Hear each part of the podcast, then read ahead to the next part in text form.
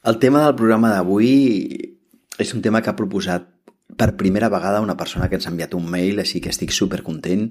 Jo us animo a tots vosaltres a proposar temes al mail info arroba danielgavarró.com o fins i tot envieu un WhatsApp al telèfon 634 540 923. Envieu un WhatsApp de veu explicant el tema que voldríeu que parléssim i si us sembla bé, pues, mmm, llavors jo l'abordo. Fins i tot si envieu un WhatsApp de veu, jo el penjaré a, al, al principi del programa dient hola, pues jo què sé, em dic tal, no cal que digueu el nom si no voleu i m'agradaria que parlessis d'aquest tema o d'aquest altre. Molt bé, avui hi ha una persona que ens ha enviat un mail i m'agradarà llegir-lo perquè aquest serà l'inici del nostre programa. Diu, m'agradaria que parlessis de com sortir de l'armari del creixement personal i espiritual, de com abordar la vida espiritual en societat, com portar-la. Diu aquesta persona que ens escriu i que ens proposa aquest tema del programa d'avui és que m'adono que és una vessant que no explico a la gent de la feina amb qui tinc confiança. Penso, llavors diu, ja, ja, ja, ja, penso que és per por, que em vegin com una persona estranya i poc professional, tot i que em sento molt apreciada i valorada i que ja he demostrat la meva vàlua sobradament. Diu, per exemple, no explico que estic cursant, que estic pagant uns diners en aquest moment per fer un curs online de creixement personal, aula interior, amb tu, del qual estic molt contenta i penso que podria compartir-lo i no ho faig pel que diran. Continua dient, tinc el dubte si és un tema que igualment pertany a l'esfera personal i per tant no cal revelar-la no cal revelar-lo en públic. Però també penso que puc animar altres persones i fins i tot descobrir que elles també hi estan interessades i per tant enriquir i millorar la nostra relació. Què fer? Com fer que les persones que tenim al voltant també s'interessin, sense pressionar a ningú. Doncs moltíssimes gràcies per aquest mail i, i avui parlarem d'aquest tema i remarco que si vosaltres voleu oferir qualsevol tema, per favor, envieu-me un mail a info arroba danielgavarro.com o un tall de veu que fins i tot podrem posar directament aquí al podcast amb la vostra explicació del que voleu que abordi, enviant-lo al WhatsApp del telèfon 634 540 923. El torno a dir. 634 540 923.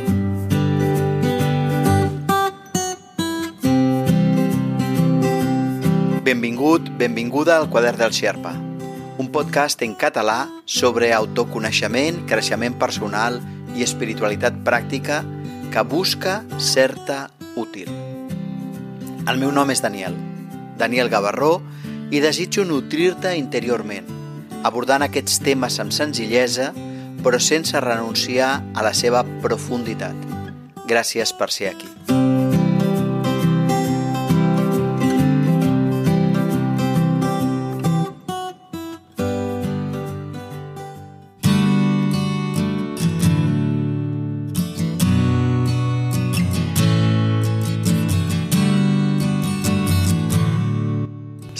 Doncs avui parlem del tema com sortir de l'armari espiritual.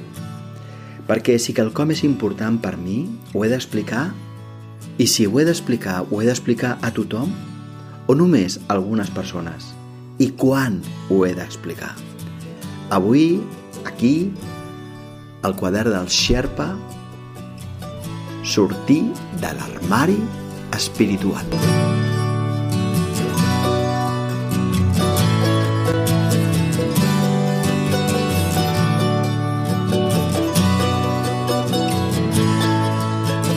La primera pregunta que ens planteja aquesta persona, jo crec que és interessant, és si és important per mi ho he d'explicar. Però encara que la pregunta ens sembli encertada i ens sembli interessant i ens sembli lògica, jo crec que no és la pregunta que haurien de respondre inicialment. Penso que la pregunta que hem de respondre inicialment és una altra.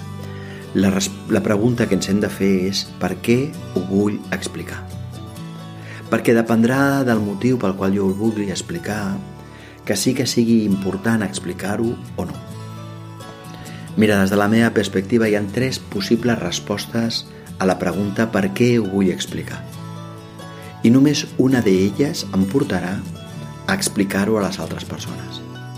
Les tres possibilitats que tenim per respondre a la pregunta per què ho vull explicar són, en primer lloc, per incontinència.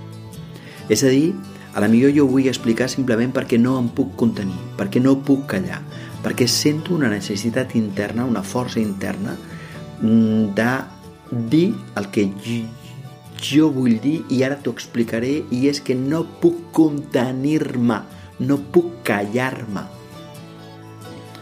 Mireu, quan una persona no pot callar-se, especialment amb el treball interior, és a dir, quan una persona li vol dir a tothom és que estic fent un treball interior i és molt important i a tu t'aniria molt bé i et veig que estàs molt frustrat i bueno, bueno, bueno, bueno, bueno, et veig fatal, fatal, fatal i tu milloraries molt si fessis el curs, aquest curs que jo estic fent, que és aquest d'aula interior, bueno, això és la bomba, l'has de fer perquè canviarà la teva vida i tu no pots callar. Aquesta incontinència té el seu origen en un tema molt senzill i és que mentre jo estigui salvant els altres no faré la meva feina. És a dir, moltes vegades nosaltres ens plantegem salvar a les altres persones, moltes vegades nosaltres ens plantegem ens plantegem això, salvar les altres persones, dir-los que han de fer una feina, que s'han d'esforçar, que s'han d'observar, que han de fer tota una sèrie de passos que el curs, aula interior o el que sigui, o aquest llibre, o aquest vídeo, o el... això et serà tan útil perquè és una forma que nosaltres tenim de projectar fora la feina que nosaltres hem de fer. Ho he vist centenars de vegades. Moltíssima gent que va pel món salvant a la gent perquè no s'atreveixen a fer la feina que ells han de fer a la seva vida. Per tant, si a nosaltres el que ens mou, si a mi el que em mou explicar a quelcom del treball espiritual, a sortir de l'armari espiritual, és voler salvar els altres, el més probable és que el millor que hagi de fer és callar, perquè això parla d'incontinència. I primer he de fer la feina amb mi i després podré compartir-la. Per això era tan important contestar-se la pregunta per què ho vull explicar. Perquè si ho vull explicar per incontinència, el que he de fer és fer primer la meva feina i després ja veurem si ho explico. Però hi ha un altre motiu pel qual jo ho puc voler explicar. I és perquè d'alguna forma jo em vull treure un pes de sobre. Jo hi ha una cosa que jo m'he callat, hi ha una cosa que m'he callat, mm, i, i si no la digués estaria d'alguna forma mentint i per tant em sento malament. Però això de la mentida no ho abordaré ara, sinó que generalment aquests programes els parteixo en tres peces. Ara estem a la primera part d'informació, després hi haurà una segona bloc d'informació i després hi haurà un tercer bloc d'informació abans d'entrar en un bloc una mica lliure amb el que procuro donar una informació extra. Doncs si us sembla bé, amb el següent bloc d'informació jo parlaré de, de si quan caiem mentim, que és aquesta part de treure'm un pes de sobre. I deixeu-me ara, per tant, que abordi la tercera possible resposta de per què ho vull voler explicar. Doncs un motiu pel, que, pel qual puc voler explicar que estic fent un treball interior, estic fent un treball espiritual, és perquè vull millorar la relació.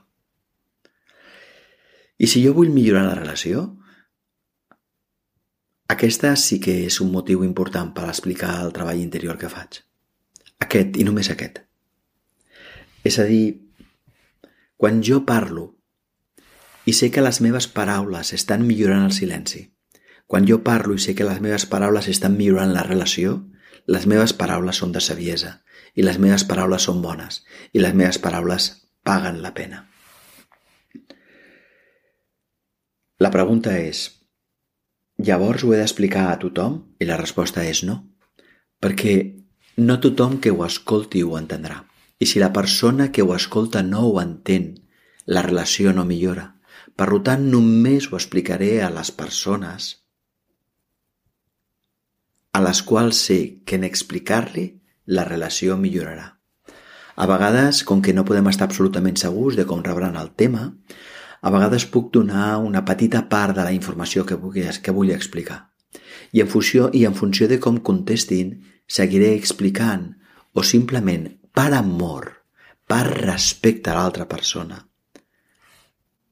callaré.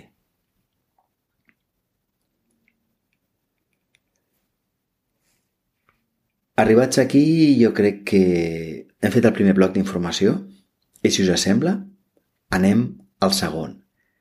Quan callem estem mentint?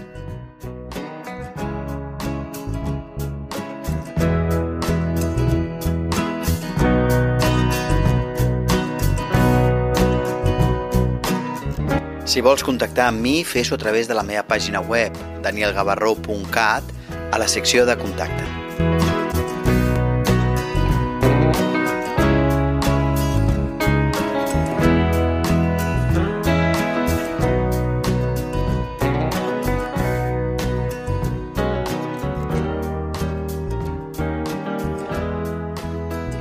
Quan callem estem mentint? Vegades nosaltres tenim el dubte, no? De, si, jo m'he de treure una cosa de sobre, perquè si, si no la dic és que estic mentit, sóc una mala persona. Eh, jo crec que hauríem de fer una reflexió sobre aquest tema. Mireu, la nostra opinió no és la veritat. Ho torno a dir. El que jo opino no és la veritat. Així que quan jo callo sobre la meva opinió o sobre el que jo faig o sobre el que jo penso, no estic mentint. Estaria mentint si jo sapigués la veritat i no la digués. Però el que jo penso no és la veritat, perquè jo no sóc Déu, jo no sóc la divinitat, jo no sé la totalitat. Jo tinc una opinió, que crec, com és lògic, que és certa, però no ho sé si ho és. Per tant, hi ha moments en què és prudent callar. És prudent callar i no explicar i no estem mentint quan nosaltres entenem perfectament que el que nosaltres pensem no és la veritat, sinó la nostra opinió. I és útil callar quan la persona que escoltarà aquesta informació se sentirà malament, quan la persona que sentirà aquesta informació no la podrà entendre, quan la persona que sentirà aquesta informació se sentirà agredida o se sentirà en la necessitat de defensar-se o d'agredir. En aquests moments jo crec que és important, si és possible, callar. I no, no estarem mentint. Estarem callant a l'espera del moment adequat per poder parlar. Mireu, algun dia faré un podcast parlant de la veritat. Però la idea essencial és que la veritat no és el que jo filmo amb una càmera de vídeo. La veritat no és el que jo enregistro amb un àudio. La veritat és allò que es comprèn de la realitat. Posaré un exemple molt senzill. Imagineu que jo veig a la meva parella, passen un vídeo on veig a la meva parella amb una altra persona i jo crec que la veritat és que aquesta persona m'ha posat les banyes. No, aquesta no és la veritat. Això és el que passa al vídeo. La veritat, allò que jo hauré de comprendre profundament i en tant que és la veritat em farà sentir una pau profunda, perquè com tal dir, com, com diu l'Evangeli, la veritat us farà lliures. I si jo no em sento lliure en veure que el com és que encara no he entès la veritat d'això que estic veient? Doncs tornant a l'exemple, si jo veig el vídeo i veig que la meva parella està amb una altra persona, la veritat no és que m'està posant les banyes. La veritat, allò que he de comprendre, és que jo no tinc a ningú que jo no tinc ni tindré mai a ningú. I la veritat és que les persones són lliures. I la veritat és que les persones a vegades ens equivoquem. I la veritat és que a vegades les persones no tenim la fortalesa suficient com per parlar amb les nostres parelles i demanar, per favor, que canviem les normes amb les que ens relacionem. La veritat és que a vegades les persones humanes som covardes. La veritat és que a vegades les persones humanes hem d'aprendre. La veritat no és que m'està posant les banyes. La veritat són les causes que hi ha a sota, allò que jo puc, que jo puc entendre. Per tant, moltes vegades callo perquè no sé la veritat. O moltes vegades callo perquè la persona amb la que estic parlant, si compartís el que jo crec que és la veritat, la feriria. I per tant, callo per amor. El tema d'avui és com sortir de l'armari espiritual, però a vegades nosaltres no hem d'explicar-ho tot a tothom. No hem d'explicar-ho si no ho poden entendre. En català, i amb això acabo, hi ha un, una frase molt bonica que diu no obris l'ampolla del perfum davant de qui no el pot apreciar.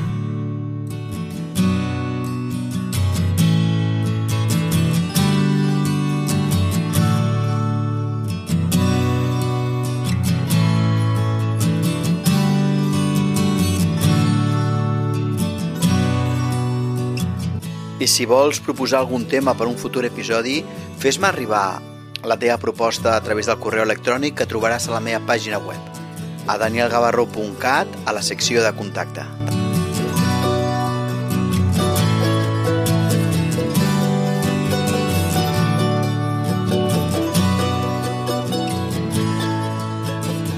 I ara m'agradaria fer una tercera part d'informació en la que abordéssim quins són els criteris que ens poden servir a l'hora de saber si puc o no puc sortir de l'armari espiritual. I tinc la impressió que aquesta informació us serà útil no només per sortir de l'armari espiritual, sinó per decidir molts altres armaris, moltes més coses que pots... Quins criteris hem de tenir per saber si hem d'explicar una cosa o no. He fet una llista de sis criteris que m'agradarà compartir amb vosaltres.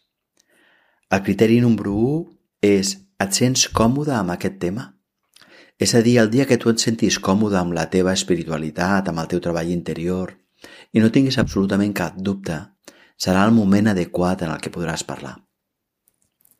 Has d'haver fet les paus amb el tema per poder compartir-lo.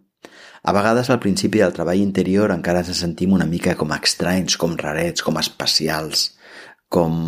I no és tant què pensaran els altres, sinó que nosaltres mateixos, en el fons, tenim alguns dubtes. Bé, fins que jo no em sento totalment còmode amb el tema, crec que no és el moment encara de compartir-lo. La segona, el segon criteri és preguntar-te de si tens el suport d'algunes persones o si tens una xarxa de seguretat, perquè si tu expliquessis aquest tema i la persona a la que li expliquis mm, no l'agafés bé, Tindries una persona, un grup de persones que et podrien donar suport? Això jo crec que és prudent, perquè a vegades nosaltres obrim el nostre cor davant de, de qualsevol tema, eh? davant d'una persona, davant d'un grup, i aquest grup, aquesta persona no ho agafa bé. La pregunta és, tinc un altra persona, tinc un altre grup de persones on puc rebre un suport emocional si cal? Per tant, aquest seria un segon criteri. Un tercer criteri és si tens coneixements i arguments. És a dir, si imagina't que parles d'aquest tema de sortir de l'armari espiritual, no? Pots explicar la diferència que hi ha? Pots explicar per què el treball que tu fas no és un treball que et manipula, sinó un treball que et fa més lliure? Pots explicar per què, quins són els beneficis d'aquest treball i quina diferència hi ha entre això i, per exemple, una secta que t'explotaria econòmicament, t'aïllaria de la teva família i el teu entorn. I també t'obligaria a creure encara que no entenguessis i, i demanaria que no comprovessis les coses sinó que les creiessis. Pots tenir criteris? Tens informació per argumentar? Perquè imagina que la gent et diu oh, Déu meu, estàs en una secta. Tens criteris, tens arguments per dir no, no, mira, mira, una secta és un espai on t'exploten econòmicament, eh, una secta és un espai on t'animen a que no et relacionis amb ningú de fora de la secta i aquí ens diuen tot el contrari. Eh, una secta és un espai en el qual et fan creure una sèrie de coses i aquí en canvi ens donen uns, unes idees i ens diuen per favor comprova-les. Per tant, cada vegada em sento més lliure i no hi ha cap dependència econòmica és a dir, que tenir una sèrie d'arguments i coneixements és fonamental per poder sortir de l'armari, perquè si no a vegades les altres persones comparteixen unes pors amb nosaltres i nosaltres no sabem com respondre, no sabem què dir-los-hi. Un, un quart criteri és que Has trobat un bon lloc i un bon moment per comentar-ho? Ho dic perquè a vegades hi ha moments de molt d'estrès o de molta tensió emocional i no és el moment de compartir absolutament res amb, aquesta, amb, amb ningú. Per tant, aquest és un criteri, ja sé que és molt pràctic, és molt senzill, però a vegades no hi caiem, eh? que nosaltres hem de buscar un lloc i un moment adequat per compartir-ho, i que no tots els llocs ni tots els moments són adequats. La cinc, el cinquè criteri, ja l'he comentat abans, és que si creus que el tema és important i vols assegurar-te de que serà ben rebut, et suggereixo que primer donis una petita peça d'informació. I un cop que donis una petita peça d'informació, observis com com, si, si, si com es rep, si es rep de forma positiva, pots continuar explicant i donar més informació. I si veus que no és ben rebuda, tens una informació per entendre que el millor en aquesta relació és callar. I això ens porta al sisè i últim criteri de quan compartir, quan compartir o no les coses. I és que, però és que ja l'he dit i per tant ho farem molt breu, nosaltres només hem de parlar, només hem de compartir les coses, només hem de sortir de l'armari espiritual o de qualsevol altre armari quan això ho fem per millorar la relació. No et perdis cap episodi Subscriu-te al meu podcast a danielgavarró.cat i rebràs un avís automàticament cada vegada que pugi un nou àudio.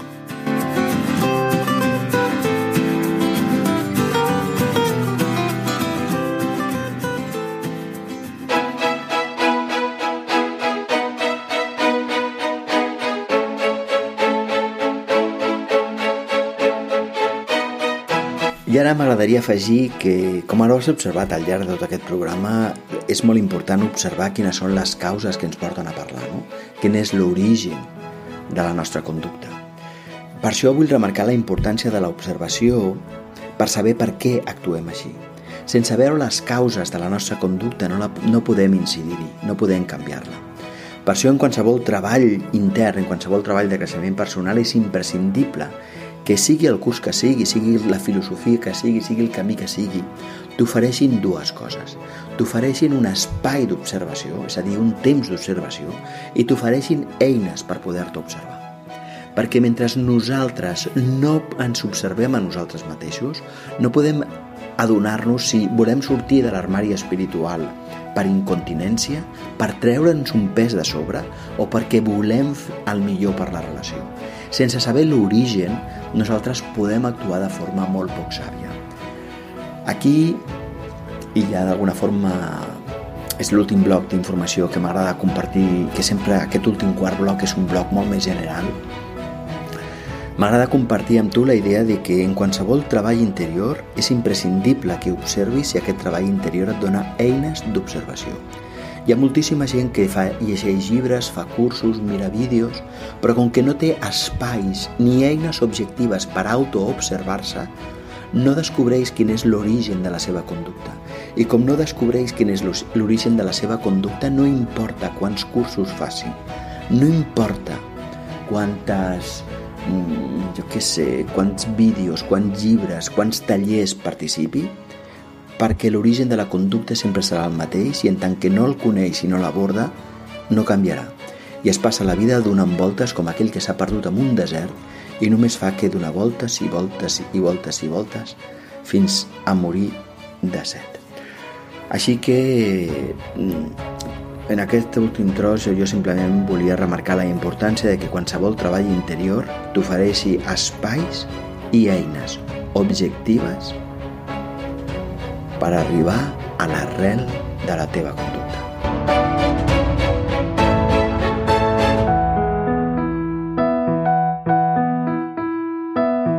Tant de bo aquest capítol t'hagi estat útil.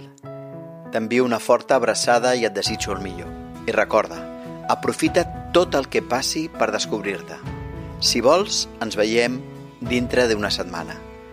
Ah, i saps que pots seguir-me a danielgavarró.cat i també a facebook.com barra Gavarró Daniel i a YouTube youtube.com barra Daniel Gavarró.